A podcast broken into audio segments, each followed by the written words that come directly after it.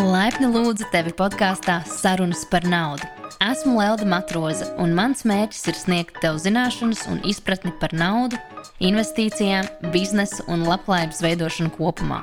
Mana misija ir palīdzēt pēc iespējas vairāk cilvēkiem izvēlēties sevi un savus sapņus, kā arī uzlabot savu finansiālo situāciju un būt neatkarīgiem. Protams, ka nauda nav viss, taču viennozīmīgi atrisina daudz problēmu mūsu ikdienā.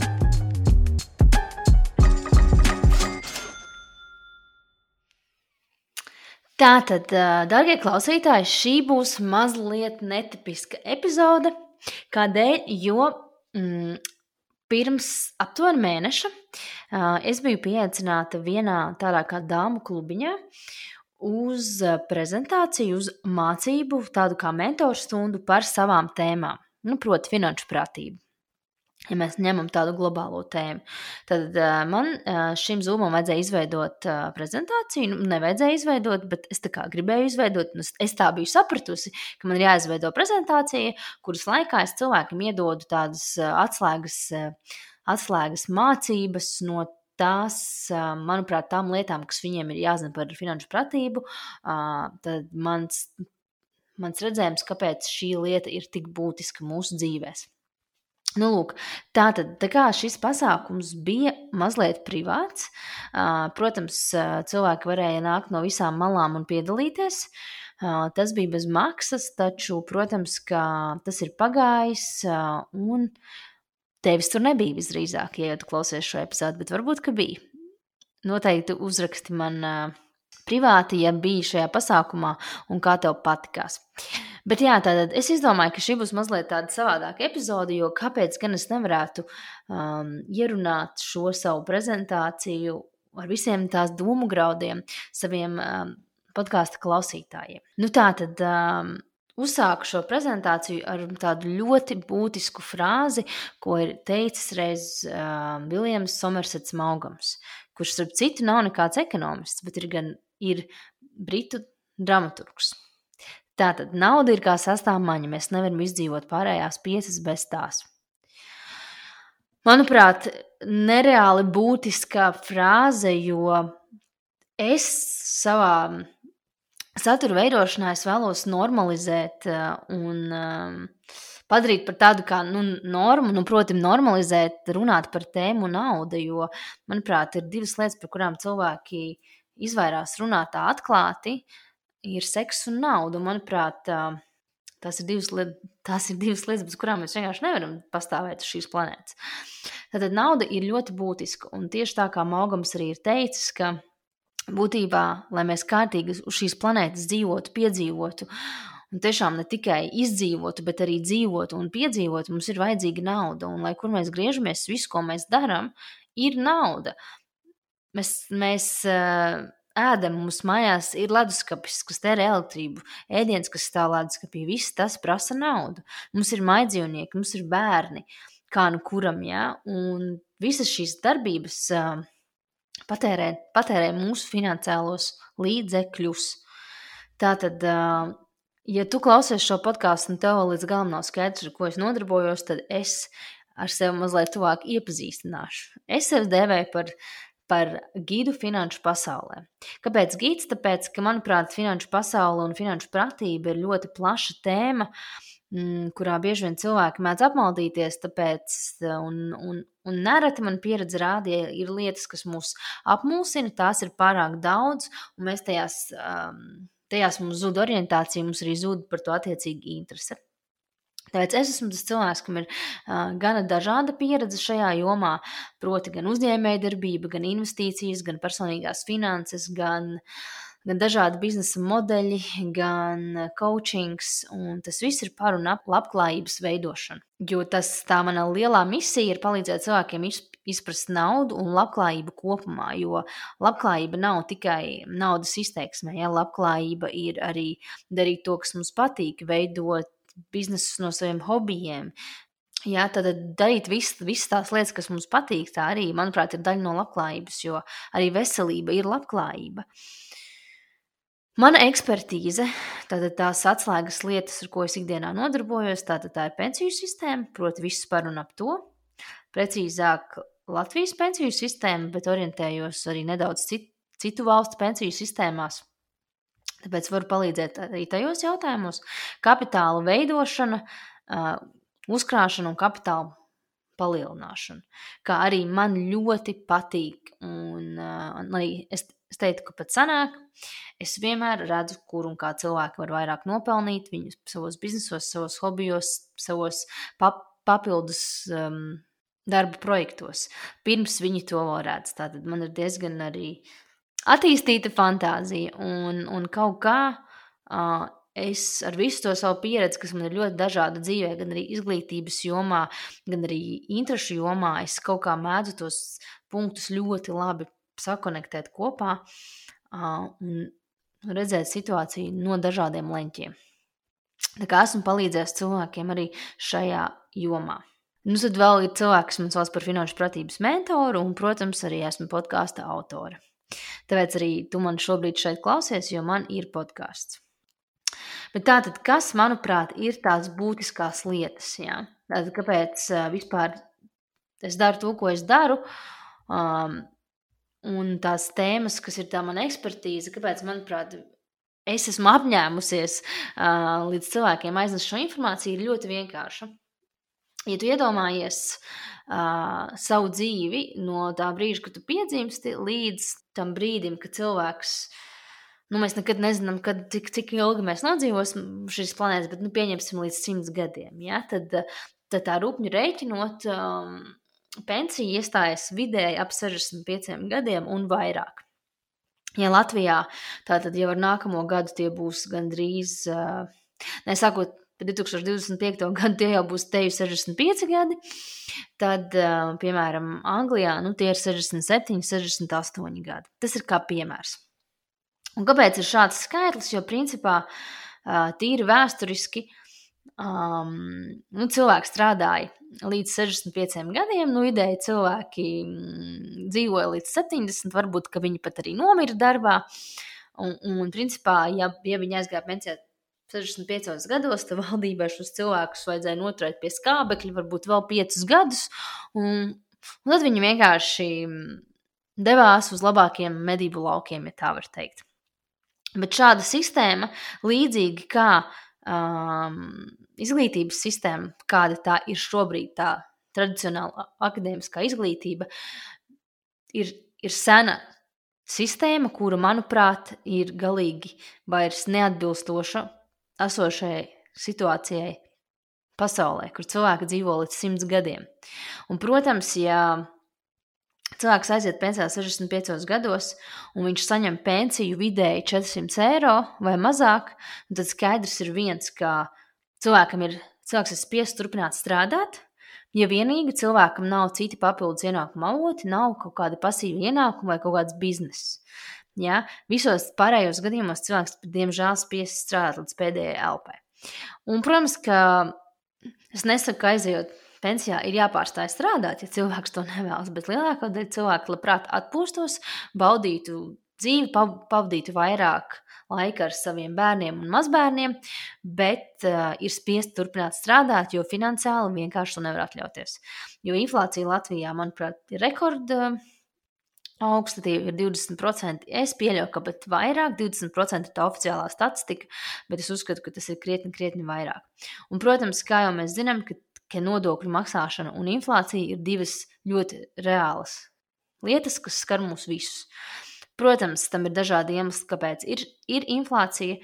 Mm, protams, ka valdībai, valdībām tas ir daudzskaitlīgi patīk, patīk novelt uh, uh, inflāciju uz visādiem pasaulīgiem notikumiem, kā Covid un, un karš un tā tālāk, bet es uzskatu, ka tas ir vienkārši veids, kā lielās organizācijas piepilda sev kabatas. Jo ļoti daudz ko varētu, um, nu, teiksim tā, īsāk sakot, negribu nevienu samulsināt, bet daudz kas ir vienkārši valdību attaisnojums uz lietām. Bet ne par to. Tātad um, ir ļoti liela problēma. Tātad um, cilvēki iet pensijā, un viņiem nav īsti naudas, ar ko aiziet pensijā. Tāpēc, lai šādi nenotiktu mūsu paudzē, ja, tad, kad es saku mūsu paudze, tie ir cilvēki, kas ir mileniāļu paudze. Ja, tātad, um, kad mēs iesim pensijā, tad būs pavisam, pavisam citādāk. Bet tas nenozīmē, ka būs labāk. Es, es arī nesaku, ka būs sliktāk, bet neviens nav piedzīvojis to pilno ainu, kā ir tad, kad cilvēki nodzīvo līdz tam simts gadiem, un kā viņi dzīvo tos gadus pensijā. Jo es saprotu, ka ir ļoti daudz profesijas, kur cilvēki var strādāt līdz 90 gadiem, bet jautājums ir, vai to vajag darīt. Ja šo podkāstu klausās kāds skaistumkopšanas eksperts, frizieris, nagu ragu meistars, ja, masieris, ja, tad, tad, tad ir ļoti daudz profesijas, kurās cilvēks labi pelna, maz maksā nodokļus, ja, jo ļoti daudz ko mēs varam optimizēt. Bet tāpat laikā ir skaidrs, saprotams, ka personīgi es neietu līdz skropas pie meistara, kam ir 90 gadi. Kā arī šī profesija ir diezgan jauna, un neviens kopsta meistars nav sasniedzis to 90 gadu saku, robežu. Ja? Tāpēc, attiecīgi, ir jāsaprot, ka tā arī nebūs profesija, ko cilvēks darīs mūžīgi. Uh, piemēram, mana personīgi, manas kropsta meistara liekas, kropsta 7, 8 gadus šobrīd, un viņa iet prom no šī amata un darīs citas lietas savā dzīvē, tāpēc, ka tīri, tīri praktiski viņa saprot to, ka viņas darbam ir limiti, Ja, jo ir x cilvēki dienā, kurus viņi var apkalpot. Tas ir viens. Otrs vēl ir tas, ka viņai sāp mugura. Ja, tad arī ļoti labi var nopelnīt, ja mēs tā salīdzinām par tādu vidējo artmētisko latviešu, kas varbūt strādā kādā vienkāršākā darbiņā, ja kādā oficiālā vai apkalpojošā sfērā, taču, nu, attiecīgi tas nāk ar savu cenu. Bet visi darbi nāk ar savu cenu. Ja, Jautājums par to, ko mēs gribam dzīvē darīt. Un ir skaidri jāsaprot robežas starp darbu un karjeru, jo tas nav viens un tas pats. Tu vari strādāt kādam, un tev var būt karjera. Ja? Bet, uh, protams, tu vari būt arī pašnodarbināts, un tev var būt darbs, nevis karjera. Tā kā ir jāsaprot, ka ir jās, jāšķir šīs divas lietas. Un jo tālāk tu būsi no savas karjeras, jo attiecīgi grūtāk tev dzīve paliks ar gadiem, ja, jo pasaule mainās. Un mainās uz to, ka ļoti daudzas ļoti daudz darba tiks aizvietoti ar robotiem, un tā ir realitāte. Jau, ja? ja agrāk mūsu veikalo, veikalos apkalpoja tikai cilvēki, tagad jau ļoti daudz kur ir pašapkalpošanās, ja? un ļoti daudz kur ārzemēs, pat restorānos ēdienu pienes jau robots, nevis reāls cilvēks. Ja? Un atcerēsimies to, ka, ka būt par viesmīli, ja tas ir, tas ir, es nevienu neaizvainoju, es pats esmu bijis viesmīlis, kad es biju gados jaunāka. Ja, tas bija viens no maniem pirmajiem darbiem, kad es pārvācos dzīvot uz Londonu 19 gados, bet ir jāsaprot, ka tā nav karjera. Tas ir tikai darbs, un tevi jebkurā brīdī var aizvietot. Tātad, ja tevi aizvieto, tad tev ir jāsaprot, vai tev ir ienākumi pietiekami lieli, vai tev ir vēl citi ienākuma avoti, lai tas moments, kad tev atlaiž no darba. Kādā restorānā, kaut kāda apsvēruma dēļ, piemēram, restorāns bankrotē, samazina status un tā tālāk, vai tu vari atļauties dzīvot tālāk, it kā nekas nebūtu noticis. Un es teicu, ka vismaz 8 no 10 gadījumos cilvēki nezina, uz kuru pusi skriet, viņi slīkst parādos, kredītos un tā tālāk, jo viņi nav domājuši, ka, ka varētu notikt tā, jo cilvēks savā dabā nedomā desmit soļus uz priekšu. Cilvēks savā dabā, diemžēl, domā lineāri. Tātad, ja desmit metrus uz priekšu, mēs redzam desmit metrus uz priekšu. Ja? Bet uh, viss pasaulē mums apkārt attīstās eksponencionāli, proti, ar geometrisko progresiju. Un tā ir ļoti reāla lieta, ko bieži vien vidusmēra cilvēks smadzenes īsti neatpazīst un nesaprot, ko tas vispār nozīmē. Ja? Bet kāpēc ar to ir ļoti liels problēmas? Tātad, uzdod sev jautājumu, vai tu vēlēsies strādāt līdz mūža beigām, vai tu vēlēsies atstiept kājas darbā, un vai tevi apmierinās, ka tagad no tavas tagadējās algas tu pensijā saņemsi vidēji 30-40% no tā, ko tu saņem šobrīd. Nu, piemēram, tev alga ir 1000 eiro, tad pensijā tev visdrīzāk būs savi 350 eiro. Un te ir nosacījums, jā, ja tu godīgi uh, un, tavs, un tavs darba devējs godīgi par tevi maksās visus nodokļus. Bet tas ir tikai tāds vidējais artmētiskais, kā tas ir šobrīd. Es nezinu, kā būs pēc 30, 40 gadiem.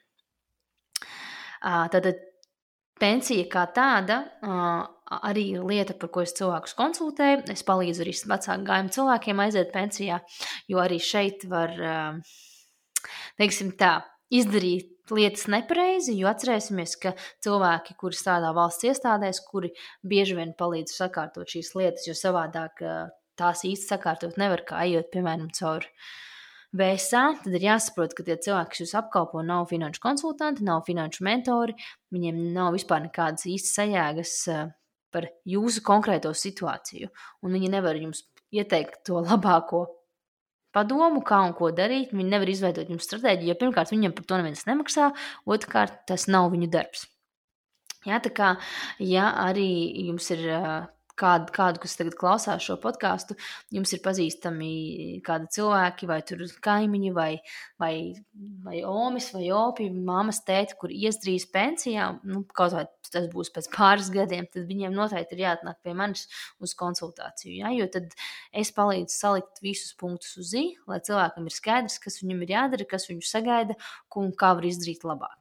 Tad atgriežoties pie tā, kādi ir šīs sistēmas trūkumi. Tad mums ir šī sistēma, ja, un uh, mans mērķis nav karot ar sistēmu, mans mērķis nav tev iemācīt karot ar sistēmu. Nē, nē, nē tas ir galīgi aplami. Tas, ko es vēlos, lai cilvēki dara, un tas, ko es cilvēkiem iesaku darīt, un tas, ko es uzskatu, kas, kas cilvēkiem ir jādara, viņiem ir jāveido savu dzīvi tā, lai viņi no viena nav atkarīgi.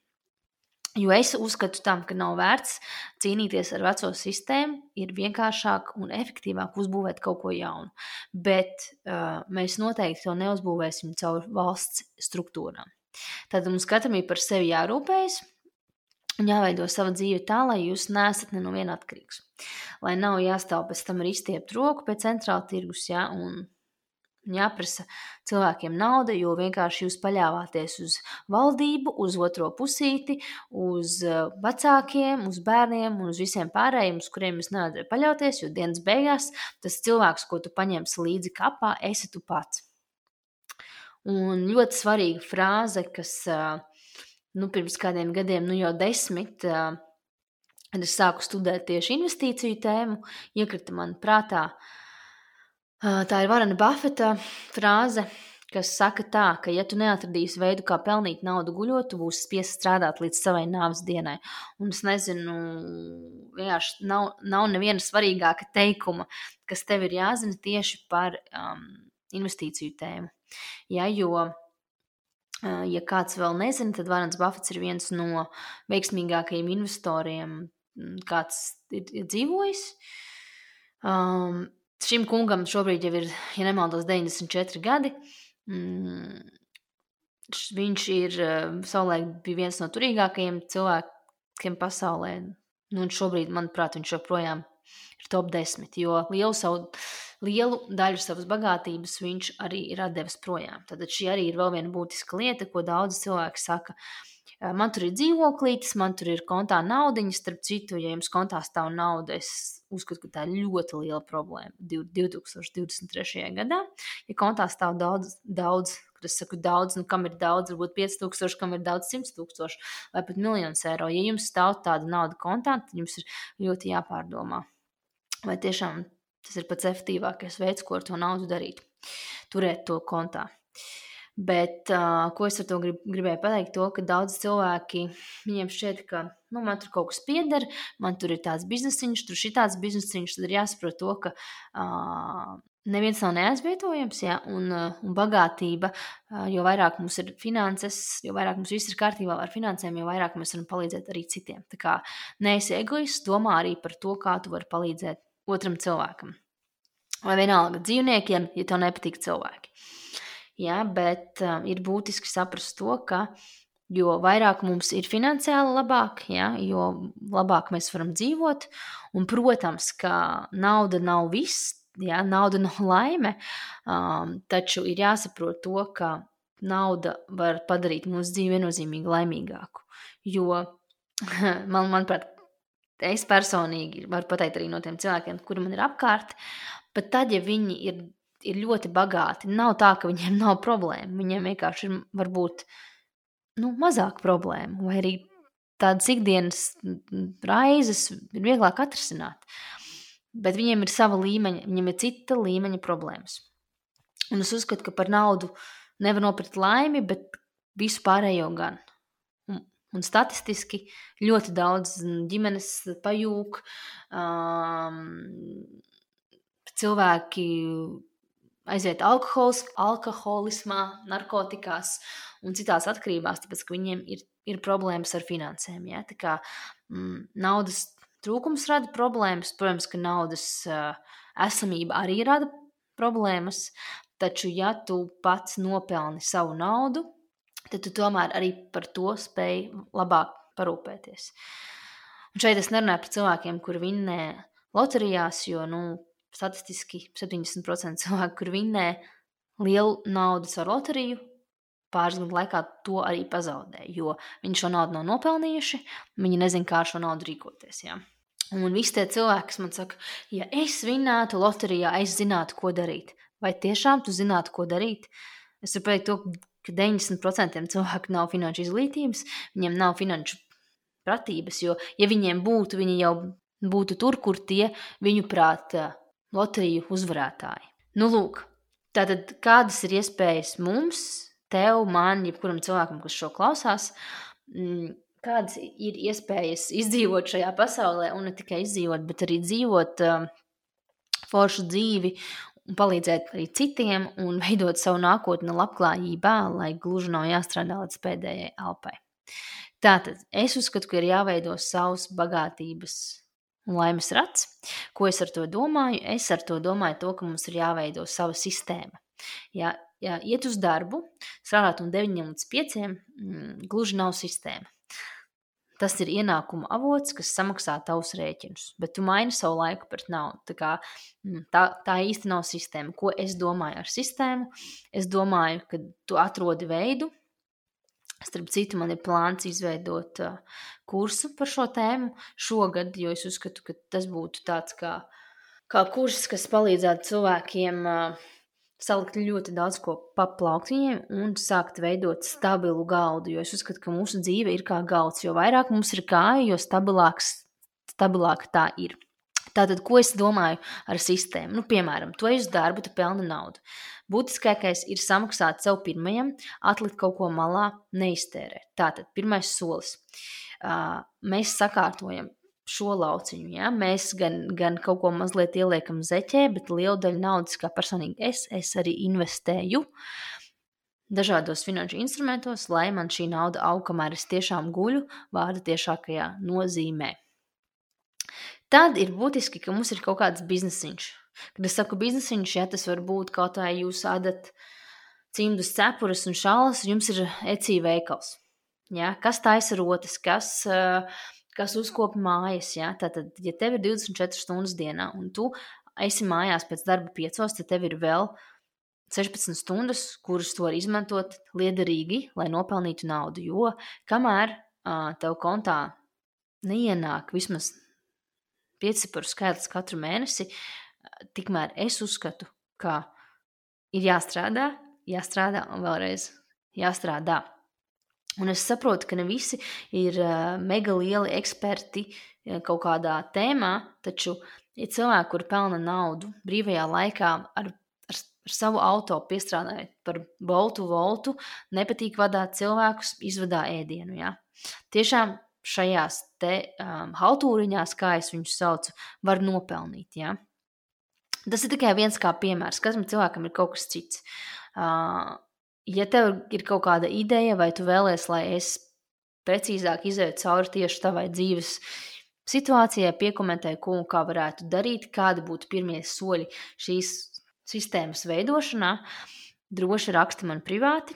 Es ielikšu zem šīs epizodes uh, savu e-pastu, kā arī vienmēr es, esmu laipni gaidīts un gaidīta, piesakot maniem sociālo tīklu kanāliem, lai arī tur tu vari man, man rakstīt, piesakot, uzdot jautājumus. Ja? Jo podkāsts nav vienīgais veids, kā es veidoju saturu.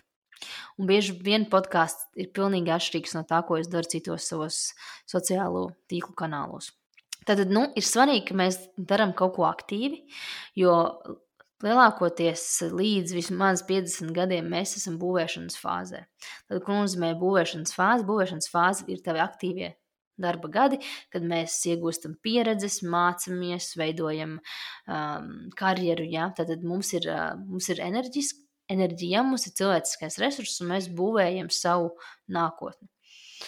Tad, ko vēl var darīt? Tātad, kā es, um, ja mēs skatāmies uz, um, uz sistēmu, ja, tad, manuprāt, viņa sastāv no aktīva, pasīva, semiaktīva un semipasīva.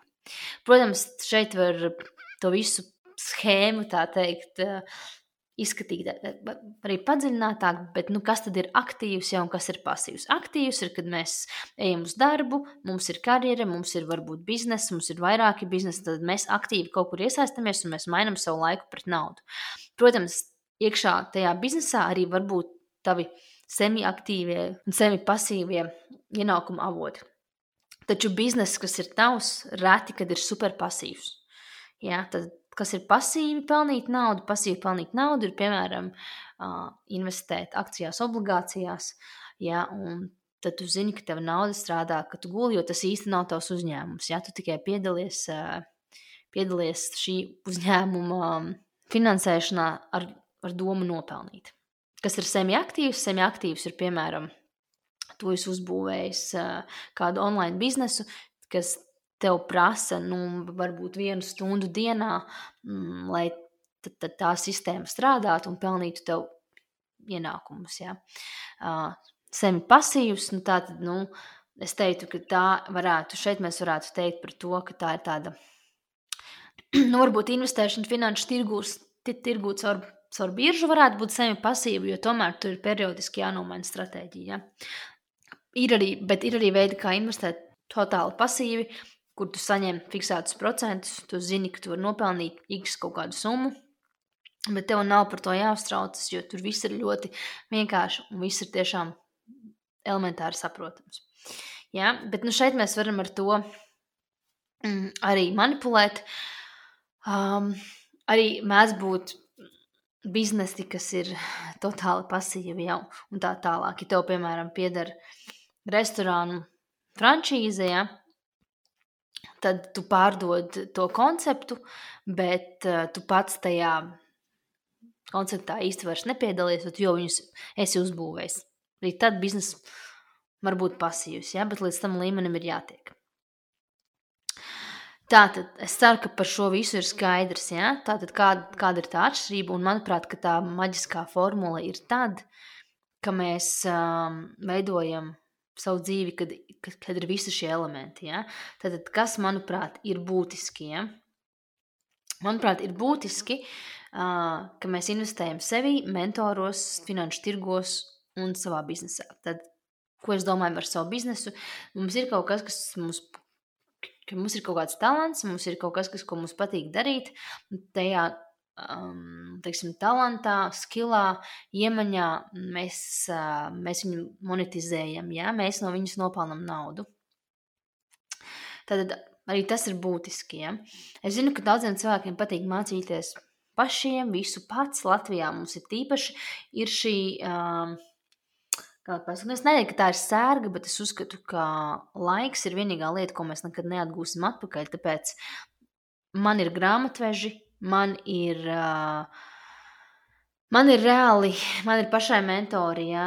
man, ir, man ir cilvēki manā arī ikdienā, manā biznesā tādi, kuriem es maksāju naudu, lai viņi izdara to, ko es vai negribu vai nemāku darīt. Jo es saprotu, ka es maksāju par ātrumu un kvalitāti. Ja?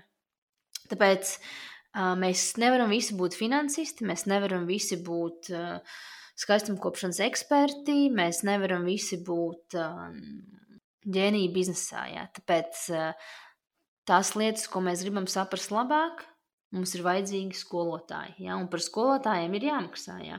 Personīgi es esmu investējusi sevi un savos visos projektos un biznesos, nu, tuvi, tuvi pie 100 tūkstošiem eiro. Ja tas ir diezgan daudz, varbūt kādam tas šķiet kosmos, manuprāt, um, 12, 13 gadu laikā, ja tas nav kosmos, ja, bet tam ir arī kaut kāda atdeve bijusi. Ja, tāpēc um, es uzskatu, ka ir jāmaksā par mentoriem, jo jūs uh, varat ietaupīt ļoti daudz naudu un laiku, ja, ja ir kāds, kas jums palīdz. Ja man būtu bijis mentors, uh, piemēram, investīciju tēmā pirms 12 gadiem, tad, protams, ka es nebūtu pieļāvusi visas tās rupjās nav, naudas kļūdas, kas man ļoti daudz finansiāli izmaksāja. Tāpēc, ka redziet, es to visu darīju pati. Un daudziem cilvēkiem liekas, ka viņi labprāt darīs to visu paši, bet uh, es uzskatu, ka ir divi veidi cilvēki. Ir tie, kur apdedzinās un vairs tālāk neturpina neko darīt, un ir tie, kas pēc tam visiem saka, ka, ka to nevajag darīt, bet tas ir skams, investēt ir risks un tā tālāk un tā joprojām. Tad ir otra veida cilvēki, kur ir tie, kuri apzinās ļoti, bet viņi neapstājās. Es jums novēlu būt tam otrajam cilvēkam, ja? bet jums vajag uzdot šos jautājumus sev pašiem. Tā kā tālāk, um, jo informācijas tur ārā ir ļoti daudz, un ļoti daudz no, tā, no tās informācijas ir nekvalitatīva un arī ir ļoti liela burzma. Tāpēc, lai tam visam izietu cauri un saprastu, ir jābūt lielai pieredzei, bet, lai iegūtu pieredzi, ir, ir vajadzīgs laiks. Un jautājums ir, vai jūs gribat šo laiku tērēt, lai iemācītos darīt kaut kādu x lietu, vai arī jums ir jāsamaksā kādam, kas ir gatavs šo lietu jums iemācīt.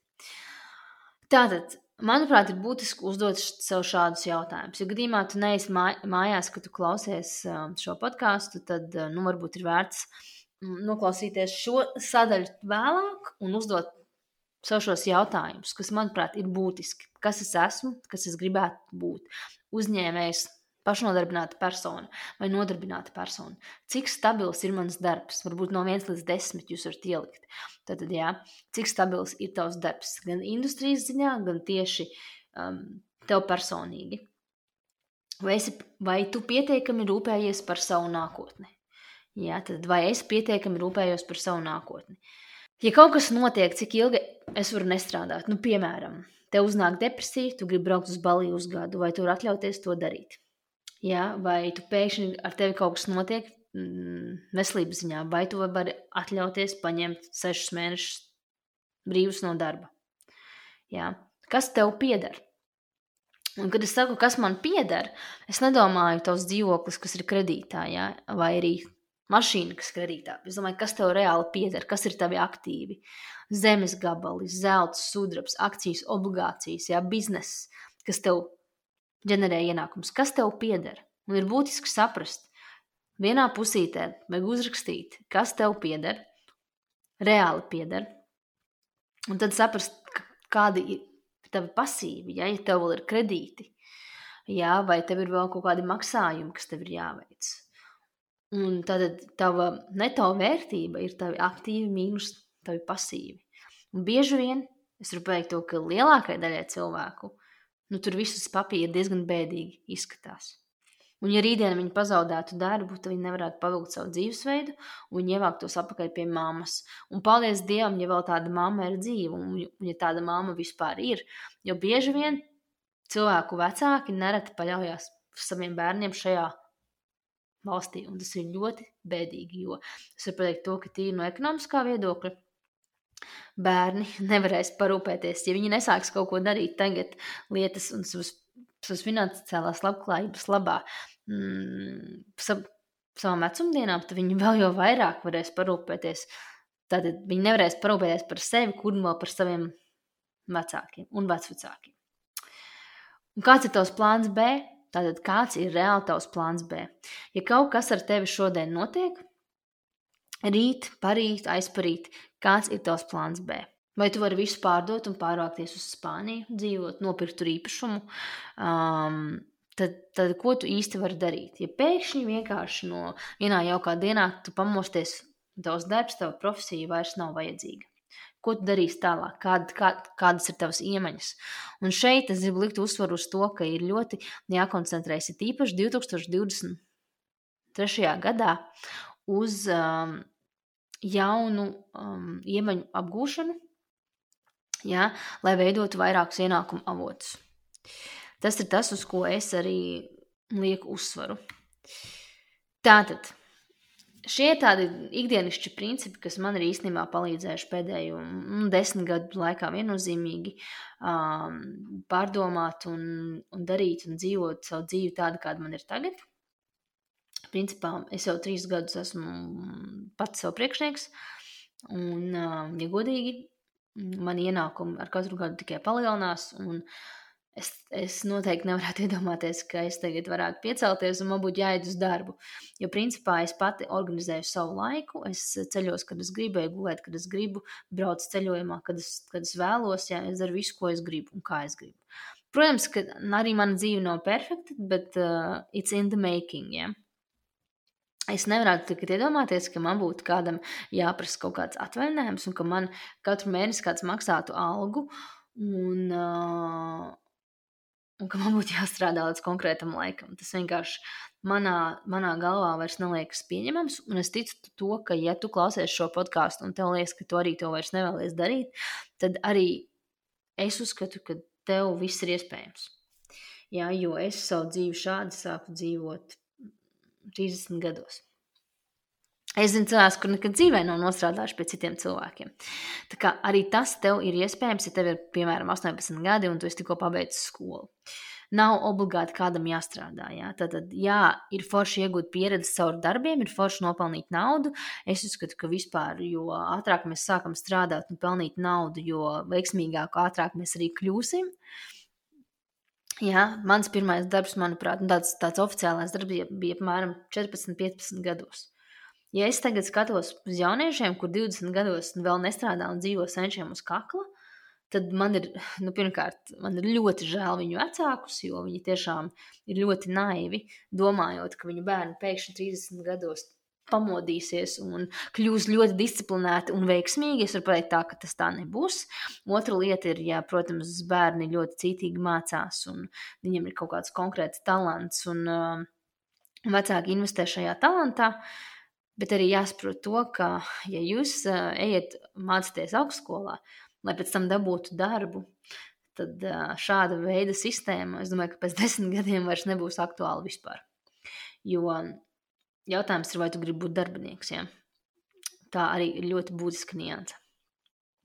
Jo, lai būtu veiksmīgs un laimīgs, nav jā, jāmācās augstskolā. To es varu pateikt viennozīmīgi. Protams, ja tu vēlēsies kļūt par mikroķirurgu, tad, tad droši vien, ka YouTube nevajadzētu mācīties, kā operēt mm, cilvēkus. Taču, ja tu vienkārši vēlēsies būt biznesā, nu, tici vai nē, tad ekonomikas augstskolā vai banku augstskolā tevi, tevi neiemācīs tās īstās dzīves iemaņas, kas tev būs vajadzīgas, lai vadītu reālu biznesu.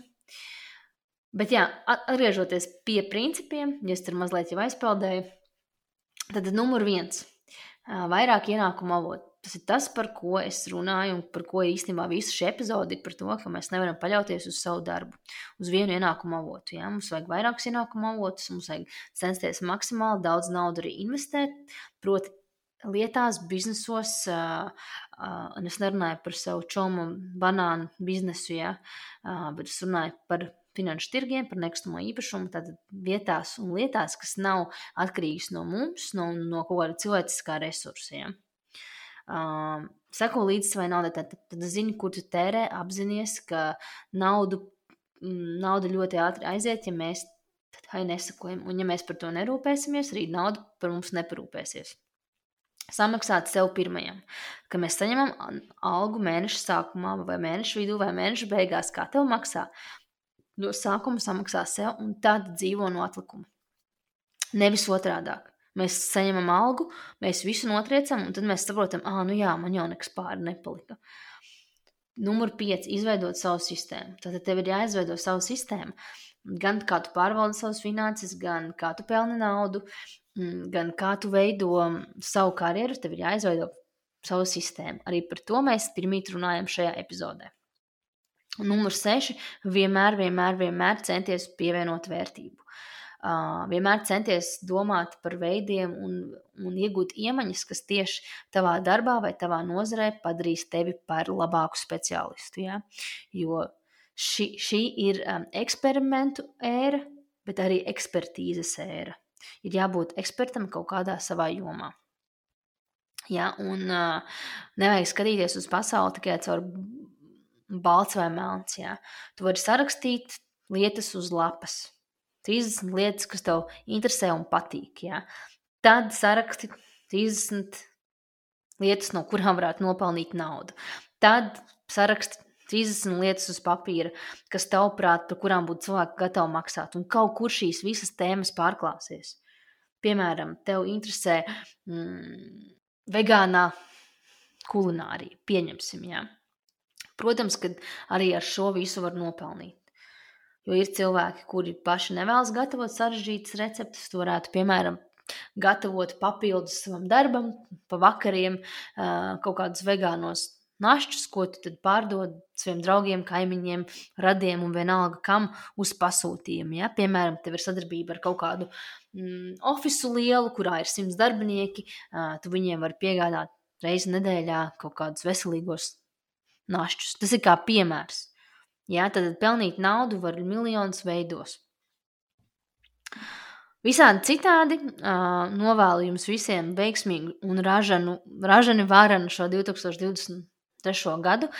Es tiešām ceru, ka jūs um, esat sastādījuši savus mērķus, gan finansiālos, gan veselīgos, um, gan arī, ko jūs vēlaties sasniegt šo nākamo 12 mēnešu laikā. Jo, ja mēs nepierakstam savus mērķus, ja mēs neanalizējam, ja mēs neplānojam, tad, protams, mums ir grūtāk kaut ko arī dzīvē sasniegt. Tā kā visādi citādi, paldies, ka noklausījāties šo epizodi. Uh, un, un tiekamies jau nākamajās epizodēs. Lai tev veiksmīgs šis gads! Paldies, ka noklausījāties šo epizodu līdz galam! Ceru, ka ieguvi iedvesmu un iemācījies ko jaunu. Ja tev patika, ko dzirdēji, un esi Apple ierīču fans, tad droši dodies uz podkāstu aplikācijas sadaļu atsauksmes, jeb reviews, un padalies savos iespaidos. Ja klausies caur Spotify aplikāciju, tad priecāšos par atsauksmu sociālo tīklu platformās. Nodot ziņu saviem draugiem, ģimenei un paziņām, jo, manuprāt, sarunas par naudu noder ikvienam kā arī labprāt uzklausīšu tavus ieteikumus un komentārus. Tavs atbalsts ir zelta vērts. Lai tev superīga diena un pagaidām čau!